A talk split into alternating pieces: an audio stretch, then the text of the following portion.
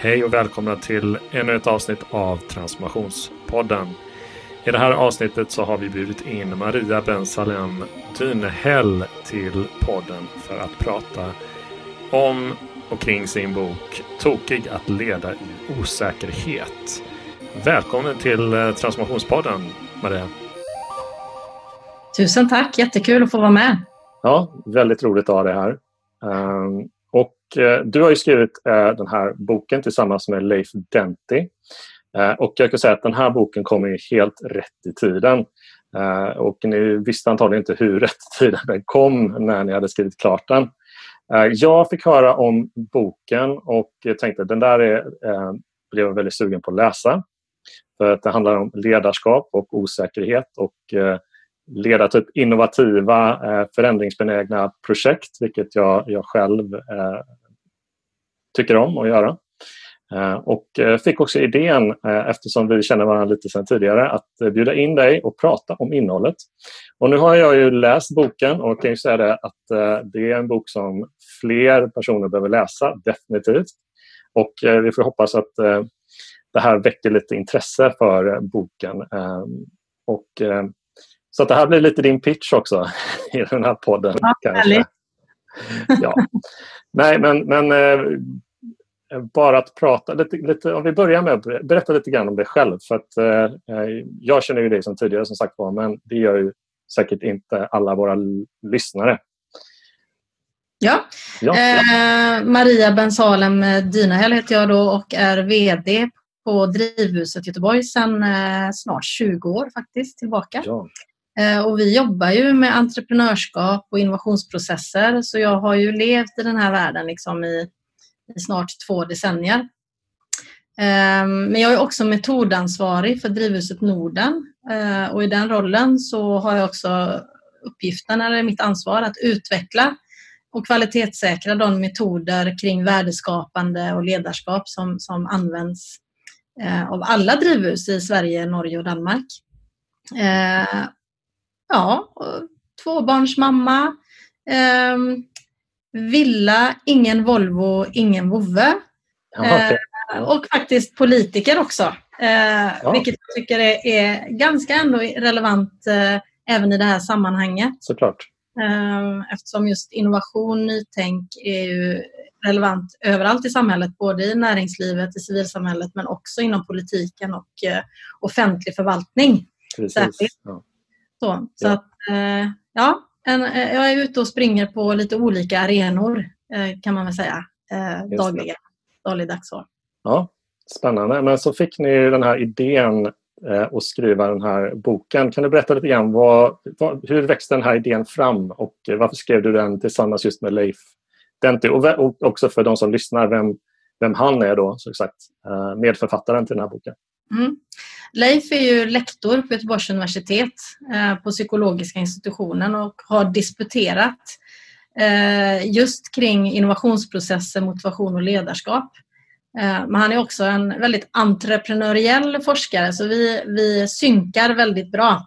Han är forskarperspektivet i innehållet och jag är praktiken som har jobbat praktiskt med de här frågorna då i, i alla dessa år. Eh, och idén till den här boken den har eh, växt fram under ganska många år. För ungefär tio år sedan, eller ganska så exakt faktiskt för tio år sedan, så skedde det ändå ett stort paradigmskifte kan man säga kring hur man utvecklar nya idéer, tjänster och produkter och så vidare. Man gick från en väldigt linjär process eller ett linjärt arbetssätt till ett mer agilt arbetssätt. Och eh, agilt arbetssätt är det många som har hört det ordet men kanske inte riktigt eh, vet vad det betyder i praktiken. Men då skulle jag säga att om man innan eh, skrev en plan när man kom på en ny idé, det var ju det rådet man fick oavsett om det handlar om affärsplan, eller projektplan eller handlingsplan. Eh, det var ju det man skulle göra direkt. Jag kom på en idé, en nytt projekt eller ett nytt koncept. Ja, då måste vi skriva en plan och sen så ska vi genomföra den planen så började man för tio år sedan jobba mer annorlunda. Man började mer fokusera från start på för vem ska vi skapa värde eh, med den här produkten, tjänsten, konceptet och så vidare. Och sen använda omvärlden som bollplank för att navigera sig fram i den här processen. Alltså, men den var inte lika, eh, vad ska man säga, eh, jag säga inkluderande, men jag menar inte inkluderande så som du tänker nu, utan jag menar eh, isolerad för att sen komma ut i verkligheten, utan man blandar in verkligheten från början och det innebär då att, att eh, ja, man utsätts för ganska tvära kast och svängningar längs med vägen. Mm. Eh, verktyg som Business Model Canvas blev mer och mer utbrett och så vidare. Mm.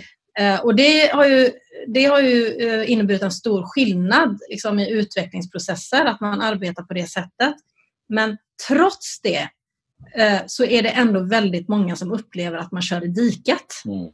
Man fastnar, man kommer inte vidare eller man, man upplever att man misslyckas.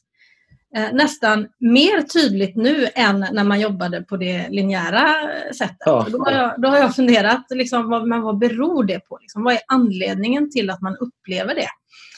Eh, och jag har ju själv eh, lett många sådana processer i många olika sammanhang, många olika målgrupper och, och kan liksom, jag ser verkligen behovet av att hitta svar på den frågan.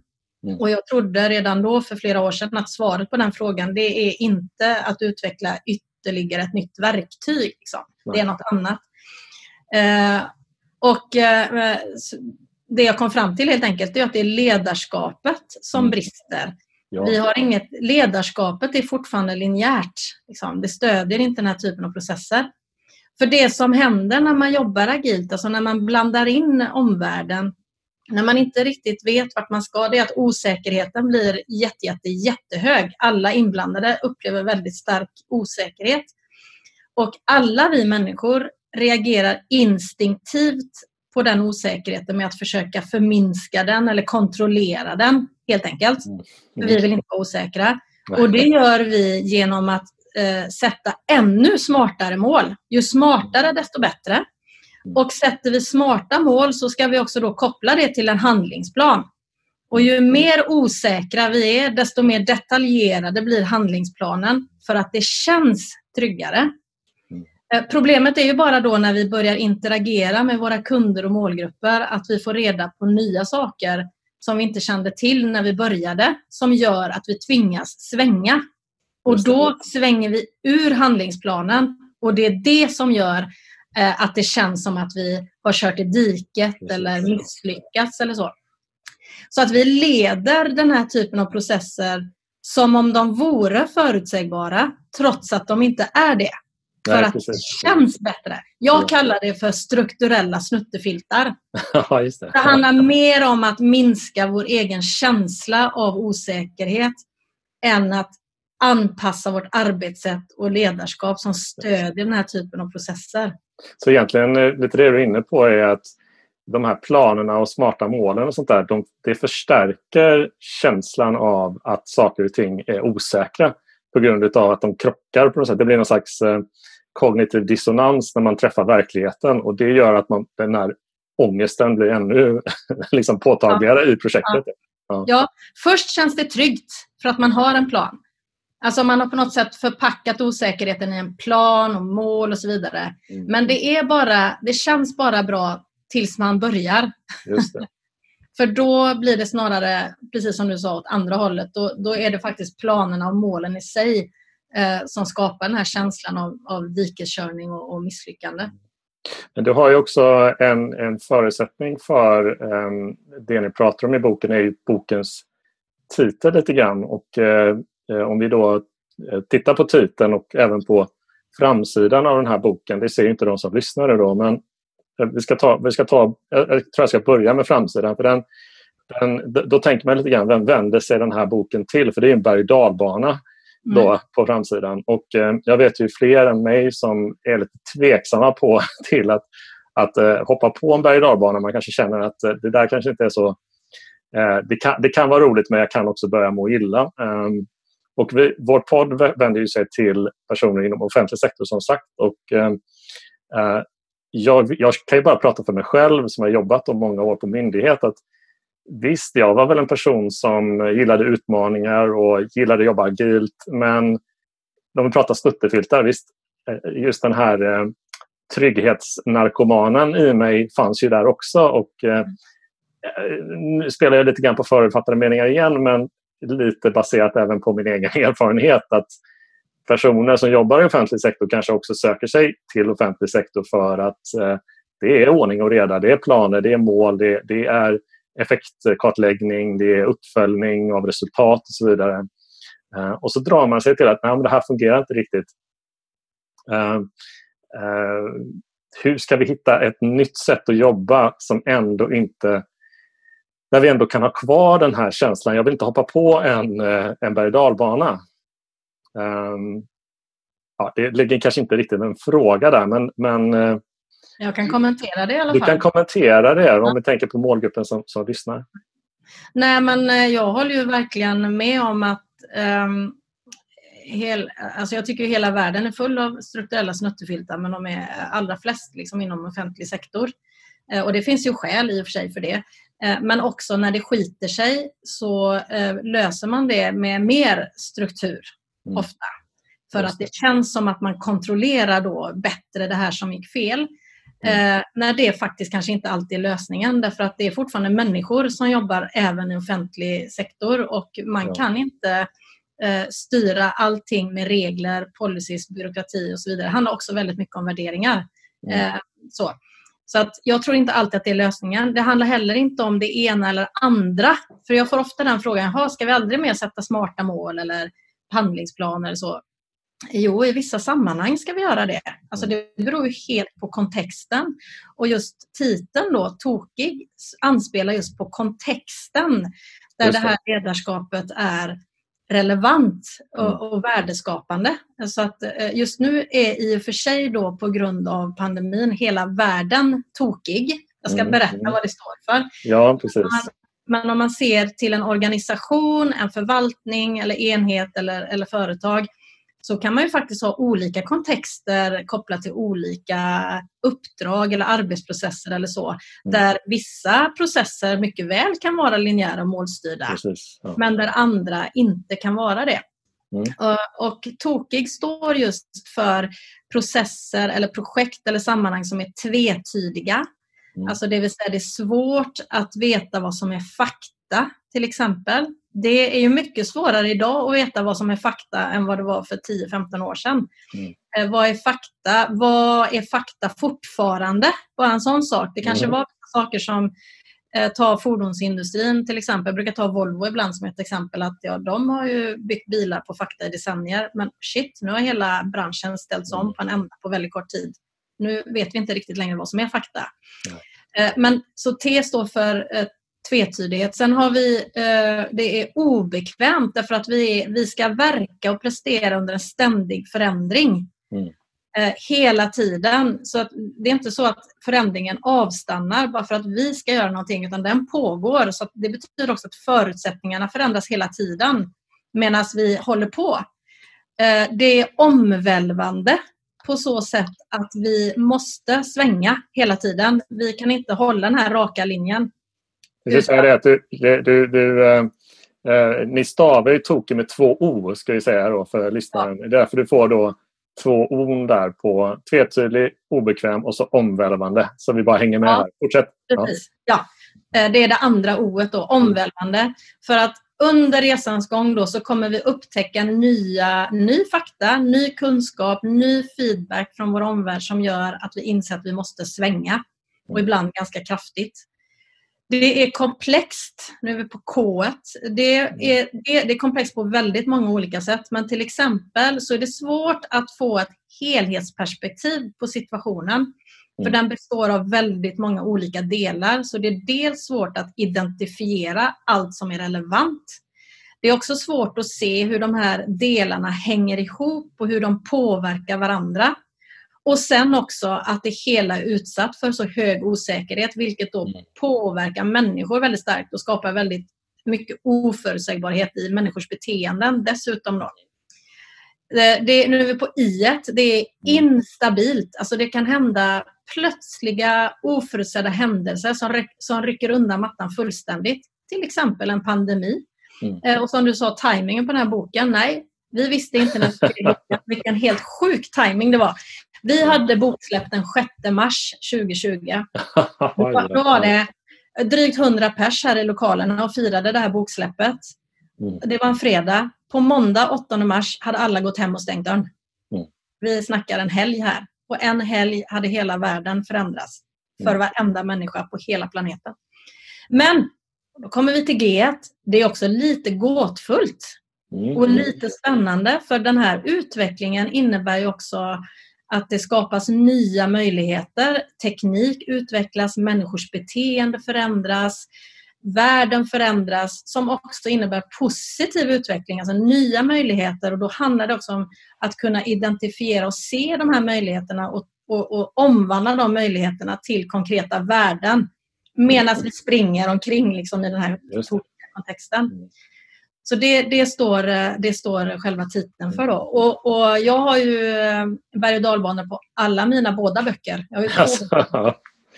även en, det är även en, en berg dalbana på Lopa som handlar mer om arbetssätt. Då. Och det är väl just för att det är, det är en berg och dalbana att jobba dels i den här eh, kontexten men också längs med vägen. Det är väldigt mycket svängningar, det är loopar upp och ner och framförallt också känslomässigt för människor. Det känns faktiskt för många i magen att arbeta på det här sättet som det gör när man sitter där och, och shit, nu kör vi. Liksom. Det, är, det är skräckblandad förtjusning. Eh, ja. och ibland det är en panikångest för vissa. Ja.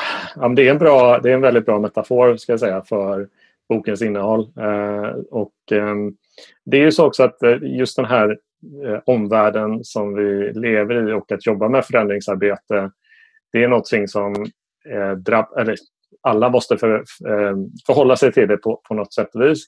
Nu är den här boken också riktad just till eh, ledare. Och jag, vi kan säga det, vi har ju släppt eh, ett avsnitt tidigare i podden som heter Ledarskap i innovation eh, med Karin Tenelius.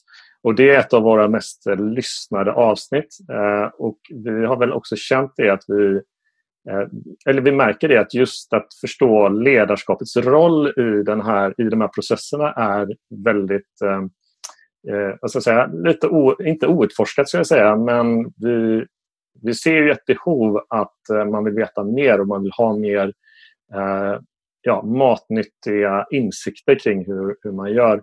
Så på det sättet så, så är ju den här boken eh, väldigt inne på, på ett, ett, eh, ett rätt spår för Eh, för våra lyssnare. Eh, och eh, jag hoppas naturligtvis efter, den här, efter vårt samtal att fler kikar, kikar på den. För det känns också som att det kanske inte det finns en hel del av sån här typ av management liksom litteratur och ledarskapslitteratur men just på svenska som, som ägnar liksom alla kapitel åt just den här osäkra, den här lite jobbiga eh, omständigheterna eh, tycker jag är ju ehm, Eh, ja, väldigt kul att den här boken har kommit eh, eh till.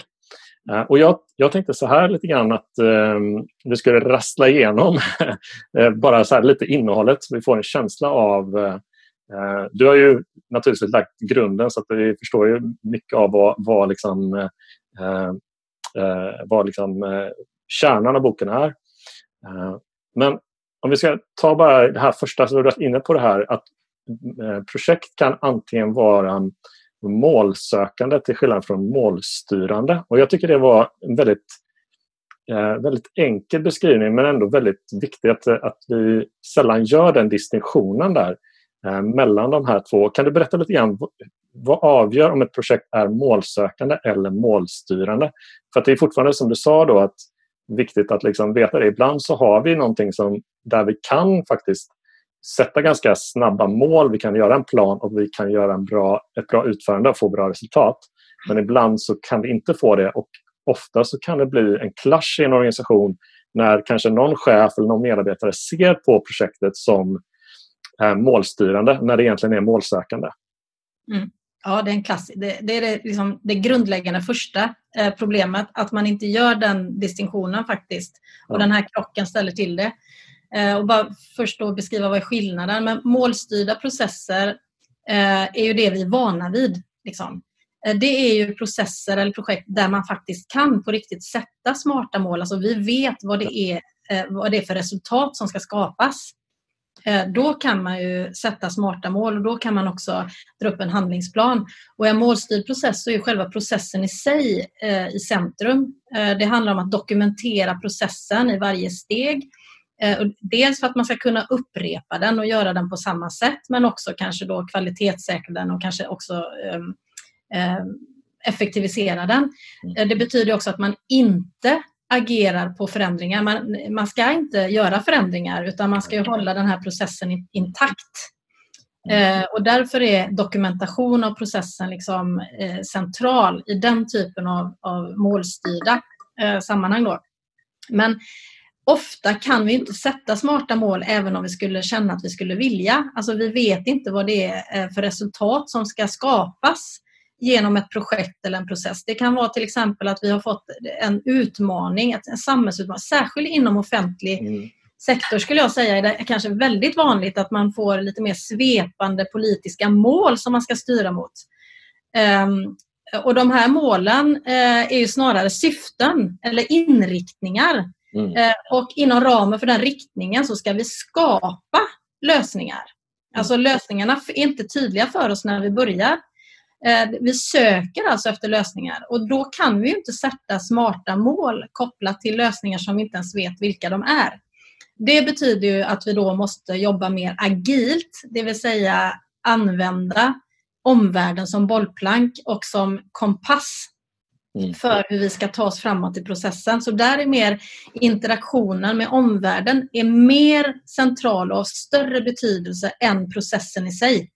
Det finns heller inte någon poäng med att dokumentera processen för varje sån process är unik. Vi kommer aldrig behöva upprepa den därför att det är en specifik lösning vi utvecklar. Och Det betyder också att vi agerar på förändringar till skillnad från målstyrda processer. Mm. Eh, det är själva poängen. Det är ju de här svängarna som, eh, som tar oss framåt helt enkelt. I, i vår loopmetod så kallar vi det för pivoter. Men ja, mm. samma. Ja, men du kan gärna berätta lite grann, för du, du pratar om två, två kan man säga, verktyg för att, eh, att direkt komma igång i den här typen av målsökande projekt. Det är Loop och eh, Pivot. Då. Ja, Loop-metoden heter ju den utveckling då som, som mm. vi också har utvecklat, eller den här metoden vi har utvecklat mm. tillsammans med Chalmers, eh, som är ett exempel på ett agilt arbetssätt Eh, Medan tokig handlar om hur man leder den här typen av processer. Så okay. Det ena handlar om ledarskap och det andra handlar om hur skapar jag värde konkret. Och, men båda ska ge svaret på hur gör jag rent konkret. Eh, och likadant, det finns mycket managementkultur eller äh, litteratur och jag har även läst en del artiklar nu på nätet där det handlar om ledarskap ifrån till osäkerhet. Och så där.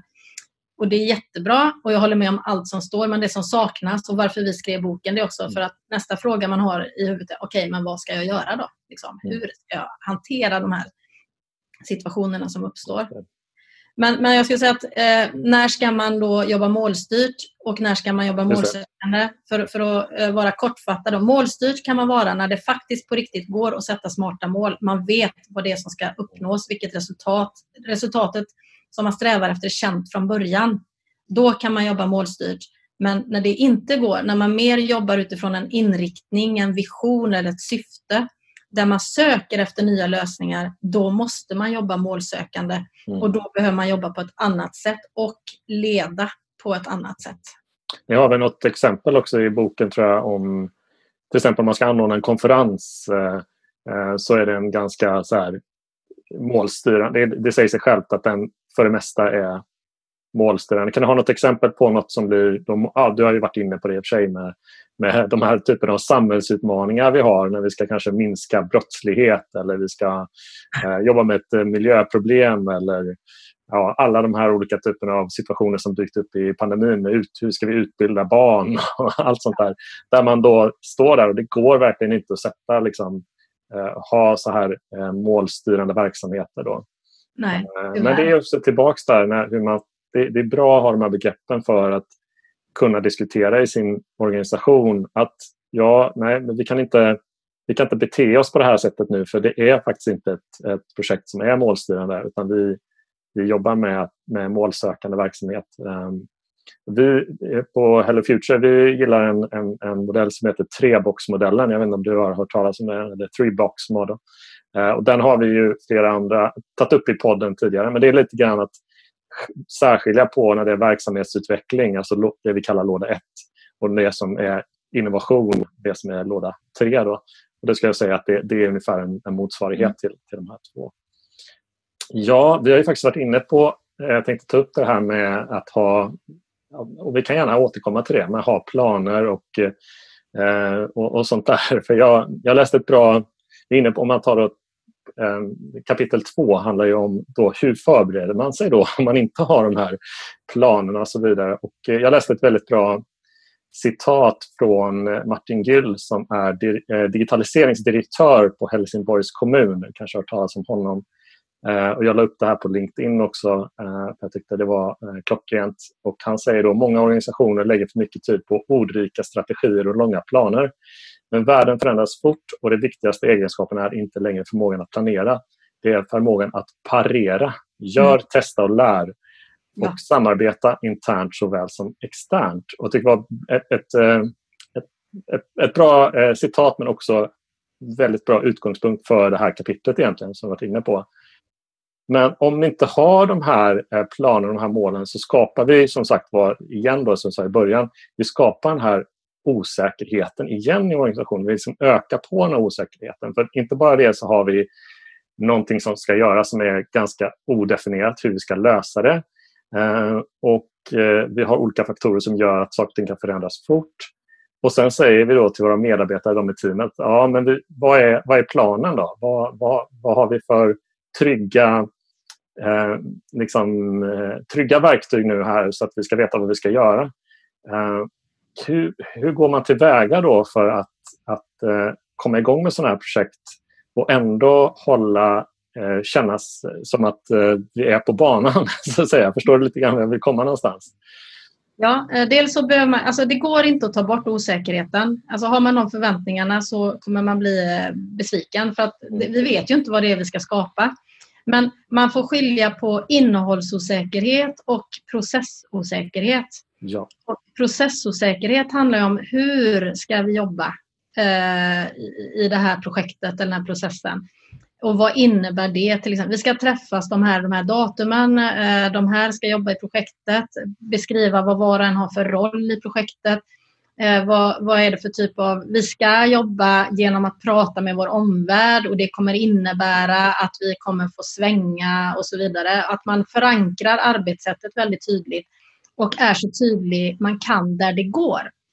Ja. Men samtidigt då prata också om det man inte kan planera för och, och, det vi inte kan veta och förankra den osäkerheten på ett bra sätt. Att berätta för alla inblandade att det är helt okej okay att vi inte vet vad som ska uppnås. Det kan bli vad som, vi vet kanske inte vad resultatet blir förrän sista dagen i värsta fall. Liksom. Och det är helt okej okay, och det är naturligt i den här typen av processer. Och det betyder att det kommer kännas jättekul ibland och oerhört frustrerande ibland och, och, osäkerhet kan vi uppleva på olika sätt och, och, och sådär. Och att man förbereder människor på det så att när man väl hamnar där sen så så är det förankrat och tryggt och ingen behöver känna sig misslyckad och kass för att man eh, är rädd eller har ångest eller upplever så. Så det är, det är jätteviktigt att fundera. Man kan vara syftet, det är supertydligt att man förankrar innan. Mm. Eh, det är ju jättevanligt att man inte har gjort det och jag kan säga att om man inte har förankrat det syftet kan man vara helt säker på att det finns lika många versioner av det syftet som det finns inblandade i teamet. Just det. Eh, och, och, om man inte har samma version av syftet så kommer det i sig skapa osäkerhet och göra att det uppstår konflikter eller att det spretar liksom längre fram i, i processen. Så det är väldigt, väldigt viktigt att, att prata om det. Mm. Eh, sen eh, så är det också bra att måla upp helhetsbilden innan man börjar runt det här syftet. Då har vi ett verktyg som heter Toki Canvas Mm. Eh, där har vi grundläggande frågor man behöver tänka igenom. Sen kan det tillkomma delar som är unika för just det specifika projektet eller processen som man ska jobba med. Då. Mm. Men där handlar det också till exempel om att identifiera för vem man ska skapa värde. Det är en jätteviktig byggsten. Mm. För att annars vet vi inte vem vi behöver interagera med eh, för att navigera oss framåt. För det är de som ska ta del av värdet som är på något sätt eh, huvudpersonerna i projektet och processen. Vi måste också förstå vad är, vem är uppdragsgivare egentligen och finns det en eller finns det flera uppdragsgivare till det här arbetet? Och I offentliga eh, eh, verksamheter så är det ju inte eh, alls ovanligt att det kan vara superkomplext. Det kan vara flera olika förvaltningar inblandade till exempel eller olika myndigheter som eh, går in på lika villkor men av olika anledningar och olika agendor och det där behöver man blottlägga och synliggöra och eventuellt upptäcka konflikter eh, då vill man, är det konflikter så vill man veta det innan man börjar så att man antingen kan reda ut det där eller åtminstone vara beredd på att det där kan ställa till det sen. Eh, man behöver förstå vem som fattar beslut om vad. Hur ser beslutsgången om? Vad kan vi fatta beslut om själva i vår grupp och vilka beslut måste förankras i så fall på vilken nivå och av vem? Jätteviktigt. Eh, vilka andra intressenter behöver vi känna till? Vilka behöver vi känna till och vilka behöver vi involvera? Eh, och vilka ska arbeta i projektet eller processen? Är det en, är det en homogen grupp? Är det en heterogen grupp? Är det en ny grupp eller en, en, ett befintligt team där det redan finns maktstrukturer och så vidare. Det, det, är väldigt många sådana delar som, som om man tänker igenom det innan så kan man dels förhindra onödiga eh, att onödiga hinder uppstår längs med vägen. Eller åtminstone eh, inse att det kom, vilka utmaningar man står inför så att man inte upptäcker det eh, live, eh, om du förstår vad jag menar. Och då kan man också få mer tid på sig att hitta sätt att ta sig runt de här hindren.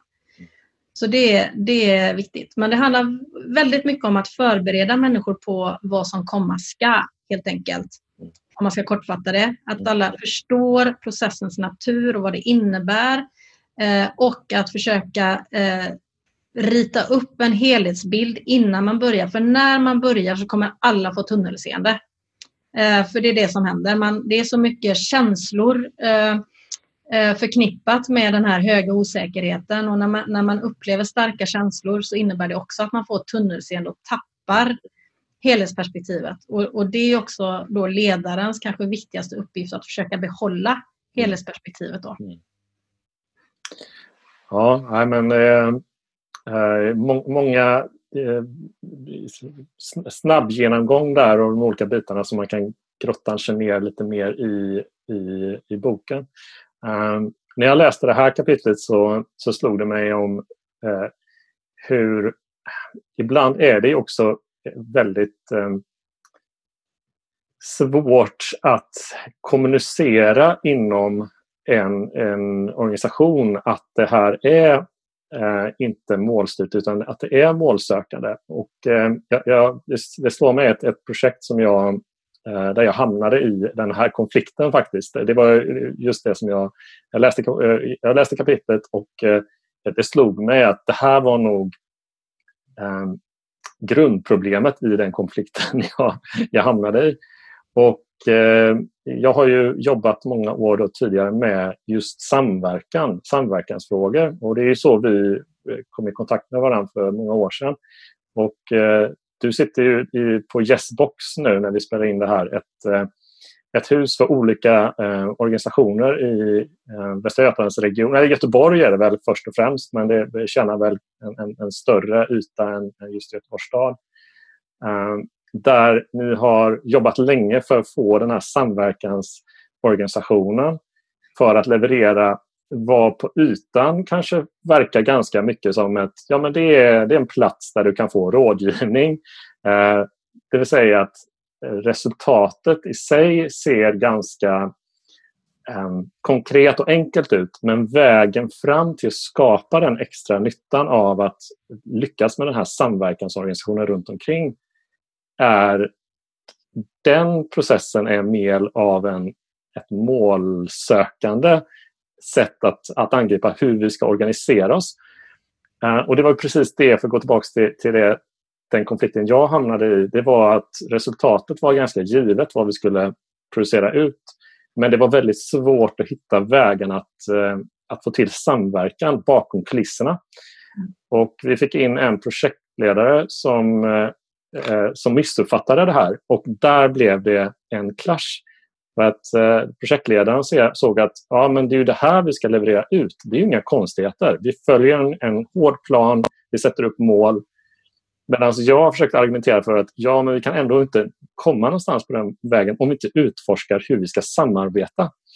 Eh, och eh, lång historia kort.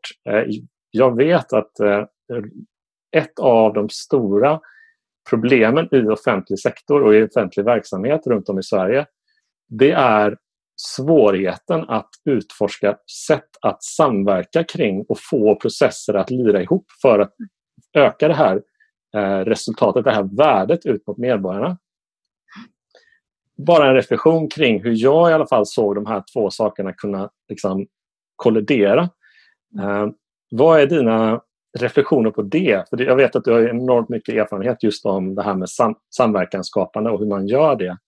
Um, om du inte har något att reflektera över så är det helt okej. Okay. Vi kan gå över till nästa fråga. Men, eh, det, var reflektera. Nej, men det handlar ju också om att man ofta jobbar i sina stuprör. Liksom. Mm. Eh, och att man, man, man har fått ett samverkansuppdrag betyder inte att man samarbetar. Nej. Det är ett jättestort glapp däremellan och, och det är det jag menar att det är därför det är så viktigt att innan man börjar ens prata om syftet, att alla har samma syfte oavsett om man kommer från olika förvaltningar eller myndigheter och så vidare. Att vi, har vi samma syfte? Och om vi inte har det så behöver vi känna till det från början. Um, och varför vill vi samverka? För alla kommer ha sina egna anledningar och ju mer transparens och ju mer öppet det är desto lättare blir det också att hitta de här konfliktytorna innan man blir eh, ovänner. Mm. Det är ungefär, jag brukar säga, jag träffar också väldigt många entreprenörer och företagare och när man ska starta företag tillsammans så, får, så ger jag ju alltid rådet skriv ett samarbetsavtal. Mm. Eh, och det gör man ju innan man börjar samarbeta så att man har någonting att hålla i sig i när det skiter sig sen. Mm. Eh, och det är ju likadant här. Eh, vi kallar det i boken för det psykologiska kontraktet. Mm. Där man pratar om eh, hur ska vi samarbeta? Mer konkret, till exempel, vissa saker är faktiskt förutsägbara i en tokig process. Att vi till exempel ska in, äh, interagera med omvärlden som innebär att vi får ny information äh, som gör att vi måste svänga. Det är en väldigt jobbig, det är en av de värsta äh, situationerna som uppstår för alla. Hur ska vi samarbeta kring en situation när det händer? Hur ska vi bestämma åt vilket håll vi ska svänga? Ehm, vi kommer vara tvungna till att prova nya saker, alltså ta oss utanför våra komfortzoner. Det är ju riskfyllt, både på ett individuellt plan men också för gruppen. Hur hanterar vi det? Hur hanterar vi liksom eh, rädslan för att inte ens våga prova och hur hanterar vi situationer där det kanske inte blev som det var tänkt? Alltså alla de här sakerna behöver man prata om innan och skriva ner på ett papper och säkerställa att alla är med på banan. Sen kommer det ändå inte vara eh, tillräckligt konkret. För det är det inte. För att, eh, ingenting har, man har liksom inte upplevt någon situation där så det är fortfarande egentligen på en teoretisk nivå. Men sen när det skiter sig, då är det mycket enklare. Man, då, men vänta nu, vi har ju det här psykologiska kontraktet. Vad sa vi att vi skulle göra?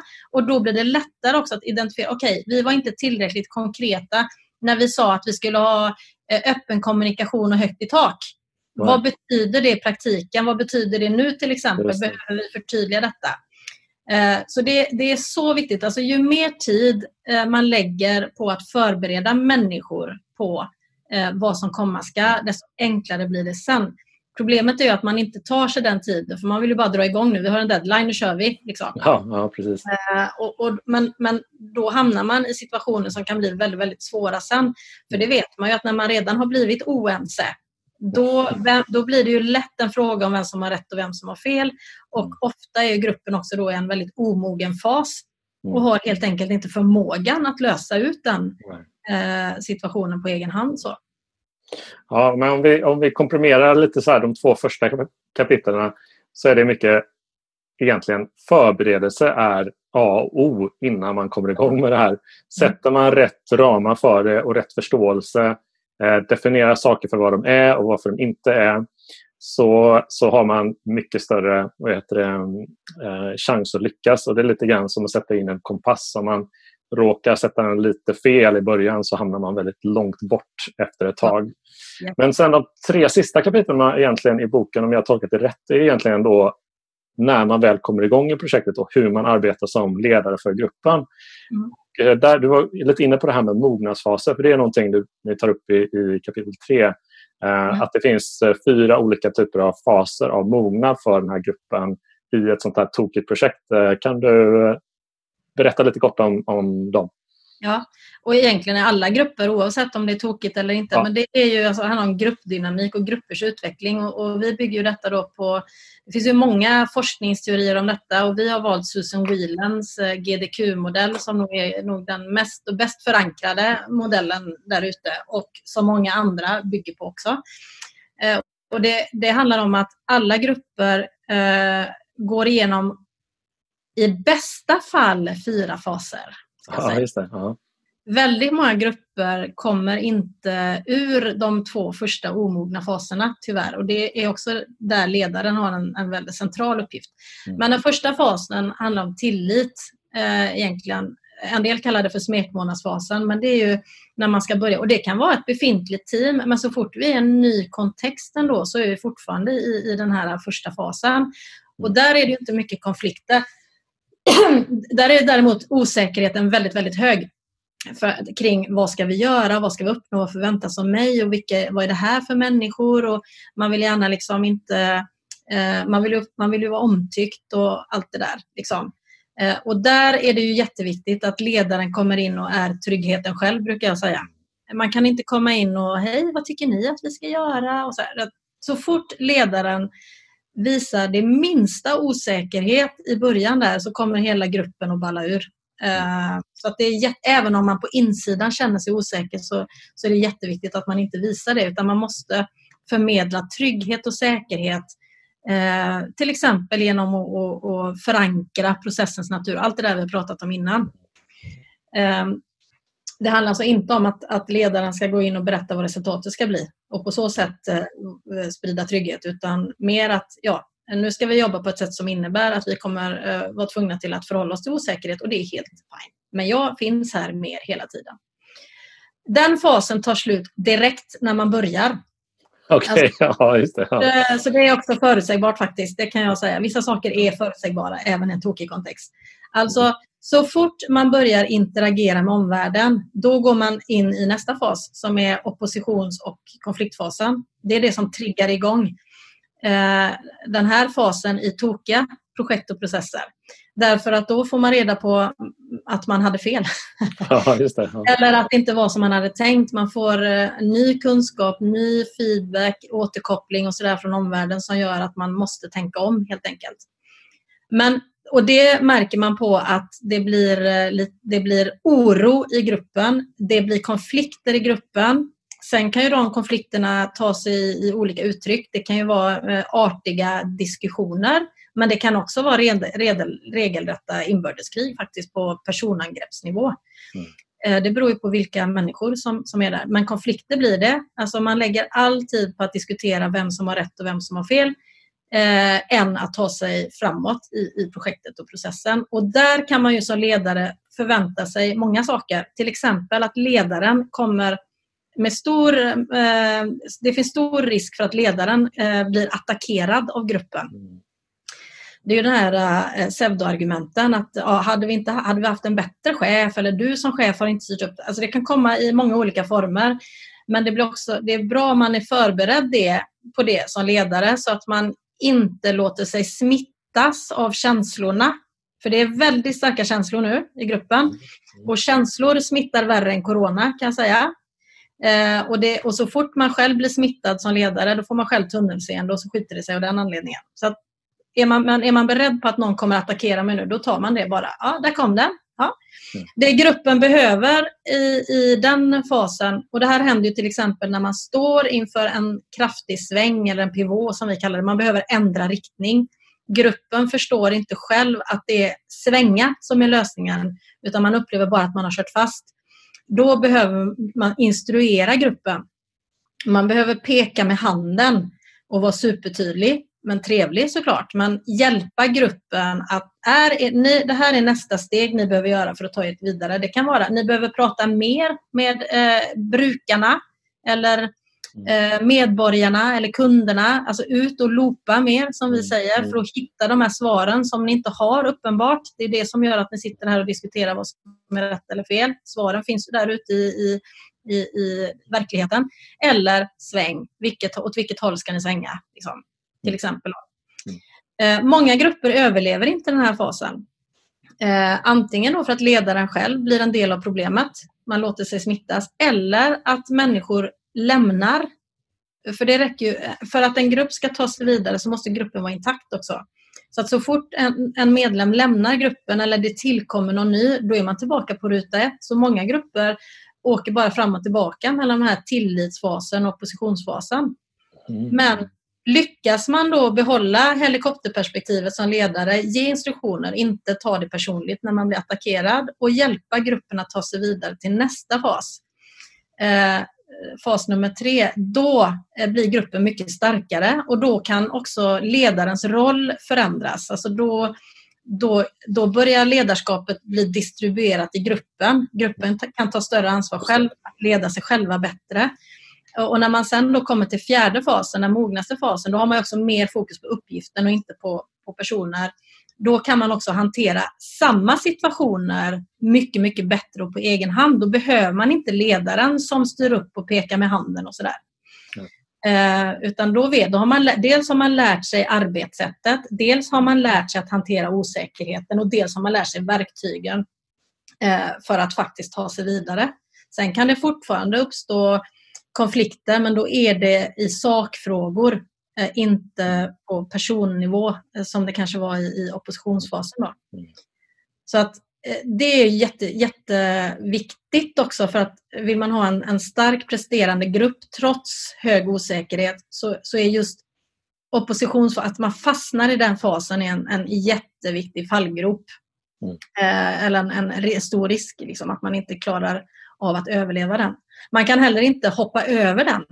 Ja. Det går inte att gå från fas 1 till fas 3 utan man måste ta sig igenom den. Och då är det till exempel jättebra att kunna slänga fram det här psykologiska kontraktet. Eller man kan kalla det för teamöverenskommelse eller vad det nu är man kallar det. Liksom. Det. För att rikta om fokus från person till sak. Liksom. Eh, och där har vi massa tips i boken. Exakt konkret vad kan du göra som chef? Mm. Eh, eller ledare eh, i, i, i de situationerna. Då. Just det. Ja, och sen, sen ska det gå som tåget in i mål. När det tar sig över det. Nej, jag, tänker det, jag, jag sitter och tänker på det, för jag hade ett samtal med, eh, för några veckor sedan i den här podden också om eh, just att förändringsarbete leder alltid till kris. I princip att ska man leda förändring då måste man bli jäkligt duktig på krishantering helt enkelt. och mänskliga relationer. Eh, och det är inte riktigt för, för alla personer. Jag tänker också på det att det är, eh, det är en ganska tung börda att bära, att vara den ledaren. Och hur hanterar man den här pressen själv av osäkerhet och sen har du kriser i gruppen. Eh, vad, vad, vad har vi för, för typ av verktyg där för sin, e, för sin egen process som, som ledare? Men jag tycker det bästa verktyget är att förstå vad det är som händer. Mm. Alltså förstå, dels att själv vara förberedd, att förstå vad man kan förvänta sig och vad, vad ens medarbetare eller team kommer att utsättas för. Eh, att det kommer ut, yttra sig eh, på olika sätt. Det kommer yttra sig i känsloutyttringar och bete, alltså beteenden som är styrda av osäkerhet och inte för att man är på något speciellt sätt som person. Liksom. Mm. Eh, och att också vara förberedd på att ja, men jag kan bli attackerad och sådär och veta vad man ska göra i de situationerna. Det skapar trygghet. Också att man har förberett sig innan, alltså har koll på det här helhetsperspektivet. Mm. Skapar trygghet. Eh, och att man är medveten om det. I och med att känslor är ju egentligen den röda tråden genom hela boken och känslor smittar. Det vet man ju själv. Alltså det räcker att du kommer hem efter jobbet och så är, är barnen på pisshumör. Då, ja, det, Mm, mm. alla känner ju igen det. Liksom. Men om jag vet om det så är det lättare för mig att hålla distansen också. Att inte låta mig dras med liksom med det. Mm. Men sen är det klart att det är väldigt bra om man har någon att prata med. Precis som det är viktigt att, grupp, att man bygger upp ett supportsystem mm. i teamet. Det skriver vi också ganska mycket om i de här mm. sista tre kapitlen. Lika bra är det viktigt, eller viktigt att man själv har ett supportsystem. Någon, om det kan vara någon kollega eller sin egen chef eller eller, någon, eller en granne eller vad fan som helst. Mm. Någon eh, kräkpåse eh, kan vara bra. Faktiskt, för att även om jag till exempel eh, jag har ett nytt uppdrag här, jag kommer in och jag vet att jag får inte visa osäkerhet överhuvudtaget. Men jag är kanske jävligt osäker. Mm. Då vill jag ju ändå kunna prata med någon om det, även om inte jag ska prata med teamet om det. Liksom. Eh, och, och någon, för det är också lätt att ingen är perfekt. Vi alla får ju tunnelseende och då vem kan jag gå till för att dra mig tillbaka ut i, ett mm. helikopterperspektiv? Ja, det är bra. Uh, men som sagt, ju, ju, mer förberedd jag är, ju mer jag är, är liksom införstådd på processens natur och vad jag kan förvänta mig, desto enklare, uh, desto mer trygg blir man faktiskt. Mm. Trots att osäkerheten i vad som ska skapas mm. är, är väldigt, väldigt hög. Då. Ja, du nämnde ett ord där i sista meningen som, som jag tänker är en nyckel. Det är just ha rätt förväntningar. För jag, jag tänker det, jag har ju varit eh, med i många olika sådana här typer av osäkra projekt och jag har väl lärt mig av att ger man, in sig, ger man sig in i leken, för man är också eh, eh, sån till naturen att man vill ha utmaningar och man vill jobba på det här sättet och man vill skapa någonting. Eh, så har jag börjat liksom få lite tjockare eh, skinn på kroppen och tänker att ja, men jag får, egentligen, jag får, ta, de där, jag får ta de där kriserna. Det kommer, det, det kommer alltid komma de här kriserna om jag nu väljer att sätta mig i den här positionen. Eh, och har jag de förväntningarna då kan jag tackla det bättre än att tänka att shit vad kul med ett innovationsprojekt med förändringsprojekt. Det här, det här, nu, ska det, nu ska det bli riktigt roligt och kreativt och vi ska träffa vi ska använda intervjuer, vi ska ta fram prototyper, vi ska vi ska loopa och vi ska... Så här, och, och har man bara den, äh, den inställningen så blir man väldigt besviken. Ja, man kanske till och med får en chock. Ja, man till och med få en chock. Ja. Det hade jag varit också. Men har man förväntningar på att nej, men vi kommer jobba på ett sätt som innebär eh, känslor som kanske inte alltid är så roliga. Det kommer innebära kriser, det kommer innebära ganska stora fallgropar. Mm. Eh, då, är jag också, då går jag in med det med en annan attityd. För jag vet också att Visst, men de där kriserna, det finns ett liv efter kriserna och det finns en process framåt som vi alla är överens om. Ja. Men eh, näst, nästa kapitel tyckte jag också var väldigt spännande för då är vi ännu mer inne på det här med känslorna. och ni säger ju det att, att uh, osäkerhet är inte alltid av ondo. Det, det, och det håller jag med om också, att man, man ser osäkerhet ofta som någonting som inte är kul och det är, det är för det mesta någonting som vi människor i grund och botten känner. Jag vill inte ha förändring. Jag vill inte ha saker som är osäkra. Eh, men det går också att vända det här till, till någonting bra och då har ni de här känslozonerna att utgå från. Kan jag berätta lite grann om dem? Eh, jag tycker de var eh, väldigt, eh, väldigt mycket igenkännighetsfaktor i, i, i det när jag, när, jag såg dem. Eh, nej, men osäkerhet eh, som sagt eh, är inte bara av ondo utan det föder ju också engagemang. Människor blir mer engagerade, man blir mer nyfikna och mer fokuserade av den enkla anledningen att man vill ju ta sig ur osäkerhet. Så man är ju intresserad av att hitta olika sätt för att liksom komma vidare så att det känns lite mer tryggt och säkert. Ehm, men som sagt, osäkerhet påverkar ju människor eh, väldigt, väldigt starkt och det yttrar sig väldigt olika, alltså ända ner på individnivå. Jag brukar jämföra det med, man, man tänker så här, man tänker sig att man är med i en olycka, har ju de flesta tänkt med. Och så undrar man så här, undrar vem jag är. Är jag den där liksom som, som kommer hålla huvudet kallt och styra upp allting och la la la? Eller kommer jag vara den där som får panik och bara liksom hamnar i chock? Det vet vi inte ens om oss själva och ännu mindre om hur andra liksom reagerar. Mm.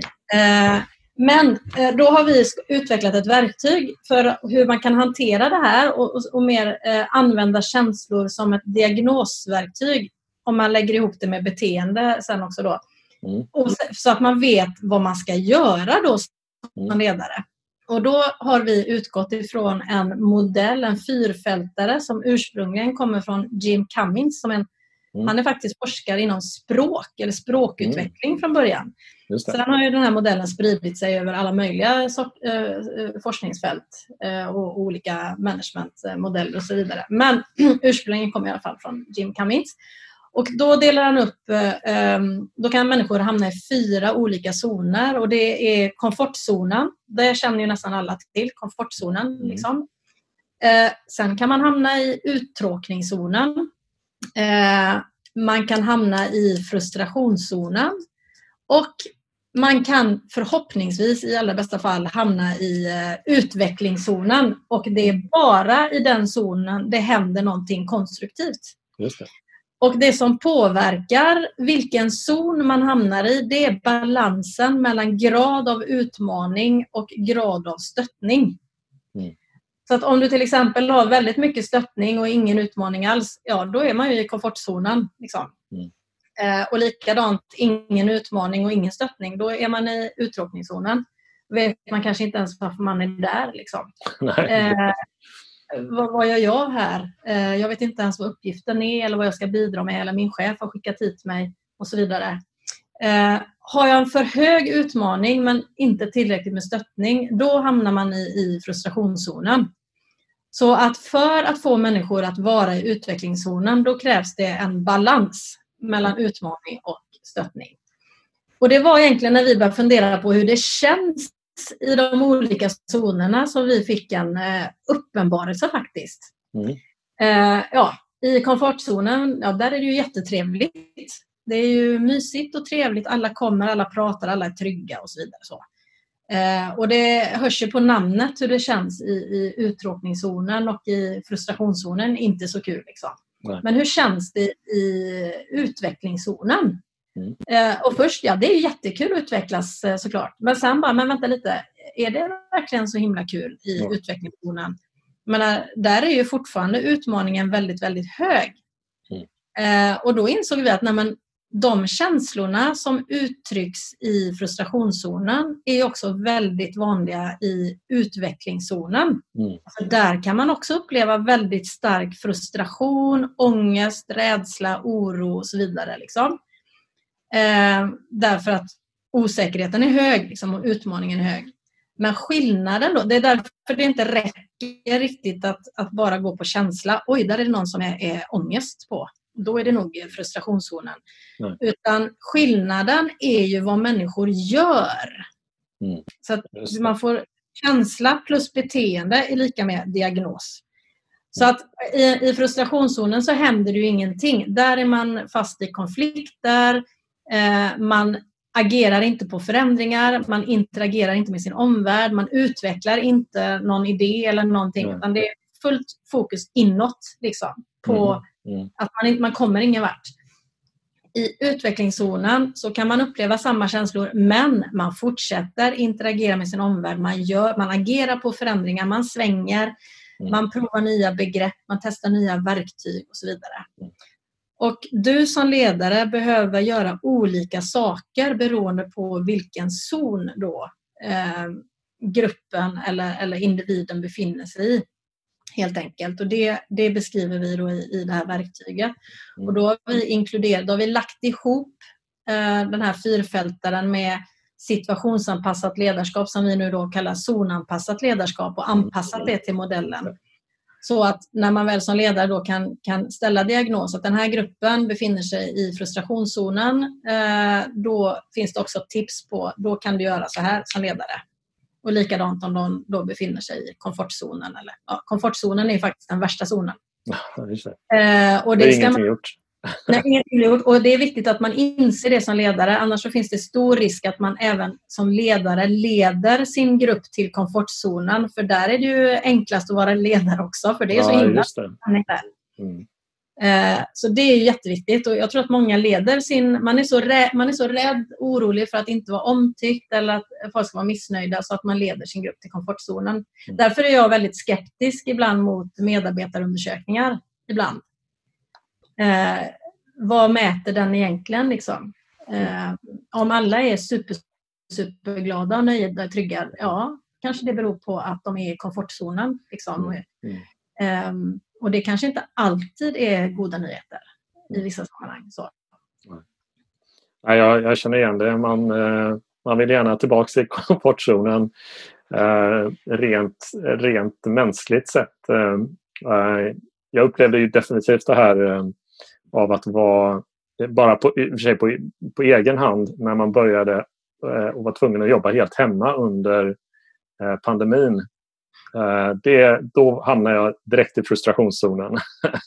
Mm. och sen så med hjälp av kollegor och få liksom en nudge till att eh, ja, men, hur gör jag? Hur, hur liksom blir jag bättre på att eh, göra mitt arbete eh, helt, eh, helt, isoler, liksom helt själv framför datorn? Så, eh, så hamnade jag i utvecklingszonen och lärde mig enormt mycket. Men det beror, betydde inte att väldigt mycket av den här ångesten kring osäkerhet och hur jag skulle jobba och lösa mina uppgifter, de fanns ju hela tiden kvar.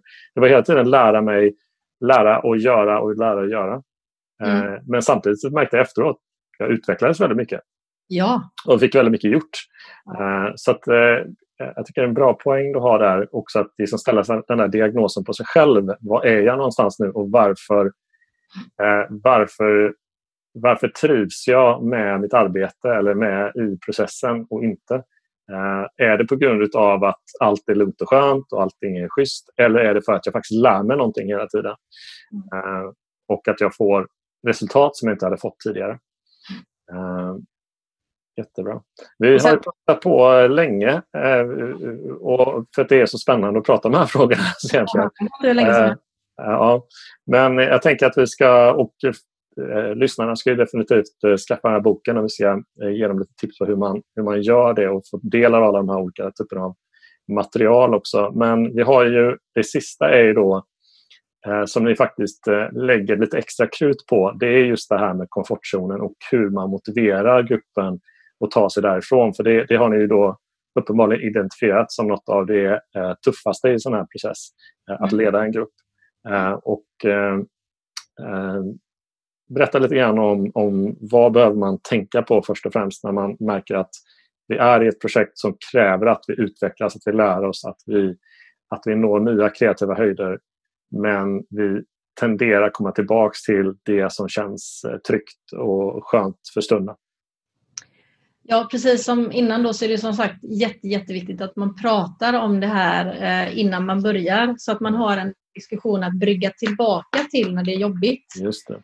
Eh, minns ni när vi pratade om det här med komfortzon, att vi skulle prova nya saker och det skulle vara obehagligt och så vidare. Så, så det, det, är för det första jätte, jätteviktigt. Mm. Och att man kanske till och med har, har förankrat detta i någon typ av teamöverenskommelse hur man ska jobba med den frågan och så vidare. Men sen är det också att det finns ju olika skäl då till varför människor inte tar sig utanför komfortzonen och de skälen kan vara bra att känna till som ledare. Mm. Och det är en forskare som heter Andy Molinski som har forskat på just komfortzonen. Han har skrivit en väldigt bra bok som heter Reach faktiskt. Mm, mm. Men då är det till exempel eh, skäl nummer ett att man inte uppfattas som autentisk. Okay. Att man tvingas göra någonting som inte känns naturligt. Det känns inte som jag.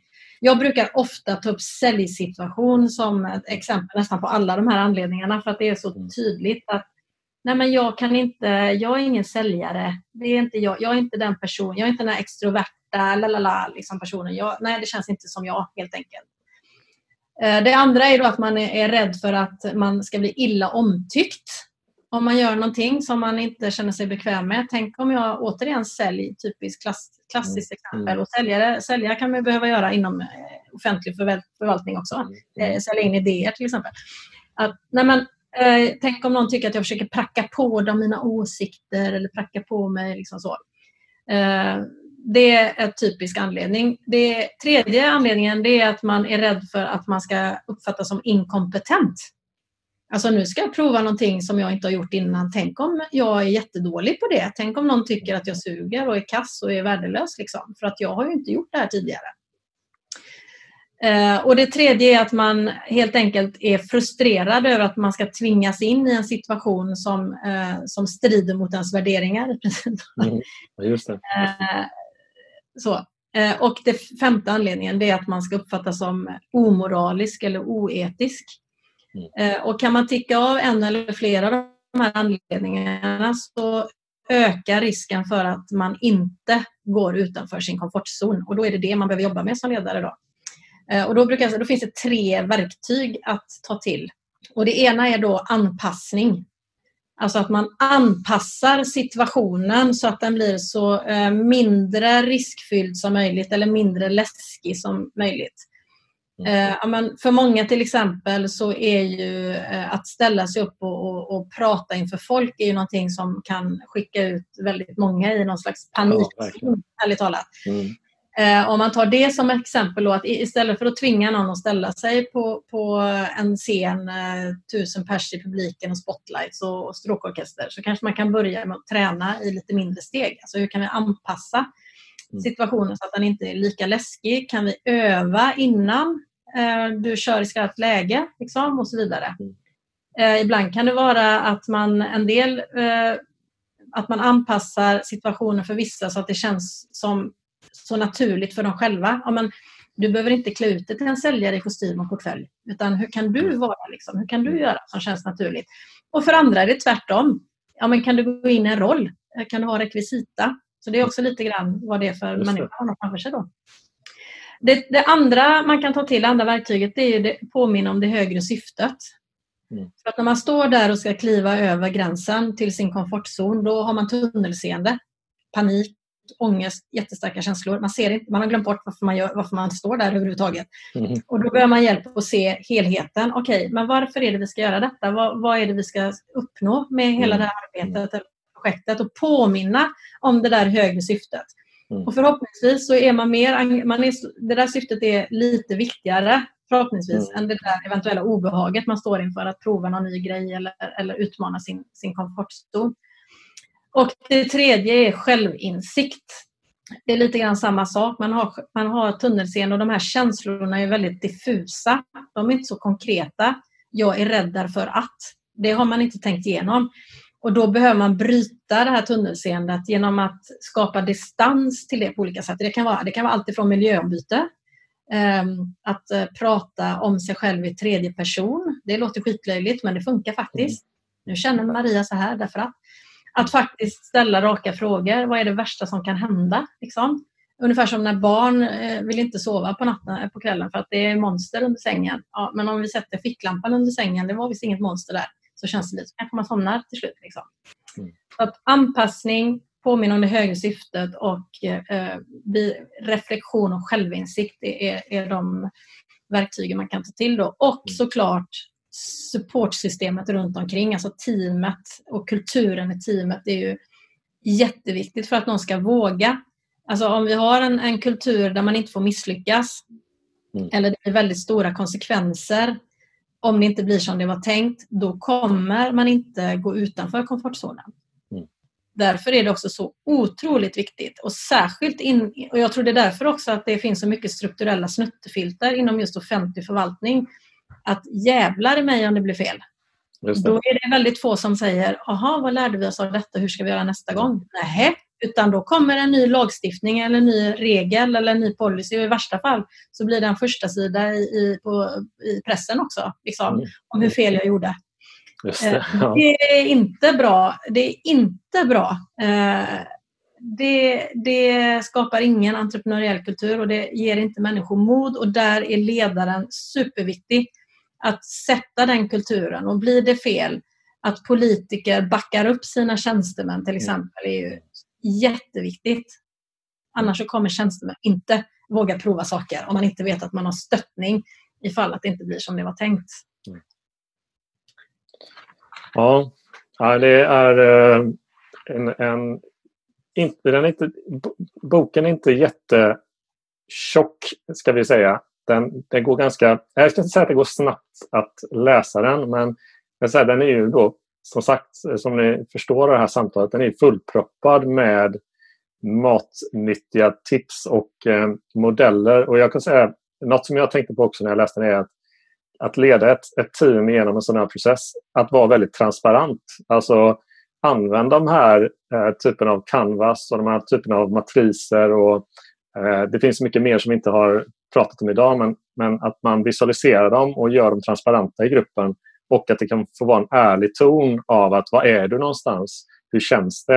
Eh, hur tar vi oss dit? Att man har den här typen av dialog eh, och inte försöker vara en ledare som tänker att ja, men jag, har, jag har mycket i, i bakfickan och som man försöker liksom styra gruppen med utan försöka ha den här väldigt öppna, eh, öpp, öppna kulturen egentligen i den här gruppen för att ta sig, eh, ta sig vidare. Eh, mm. Och då har man ju eh, inte bara den här boken men ni, ni bjuder också på lite, olika, lite arbetsmaterial eh, som man kan få tag i om man går in på drivhuset.se. Ja. ja, under fliken verktyg där så kan man ladda ner både känslozonerna och eh, Toki Canvas. Mm. Sen eh, har ju vi kurser också som man kan gå. Just det. Eh, faktiskt. Och, men då får man läsa om det på Drivhuset Göteborgs hemsida. Eh, Just det, de... men de är, de är online så man kan gå dem Eh, de är faktiskt eh, fysiska. Okay. Vi träffas, men det går att vara med digitalt om man vill såklart. Då löser vi det. Så vi har, haft, vi har faktiskt haft hybridkurser. Okay. Vi har haft både då deltagare i rummet men också personer som anslutit då, digitalt. Så det funkar. Allt funkar ju nu för tiden efter pandemin så är man ju så fruktansvärt agil. Ja, ja precis. Och den viktigaste frågan att avsluta med Eh, hur enklast får man tag i boken? Ja, den finns ju i alla internetbokhandlar. Den finns ju på Adlibris och Bokus och, och så. Det är ju Liber eh, som har gett ut den.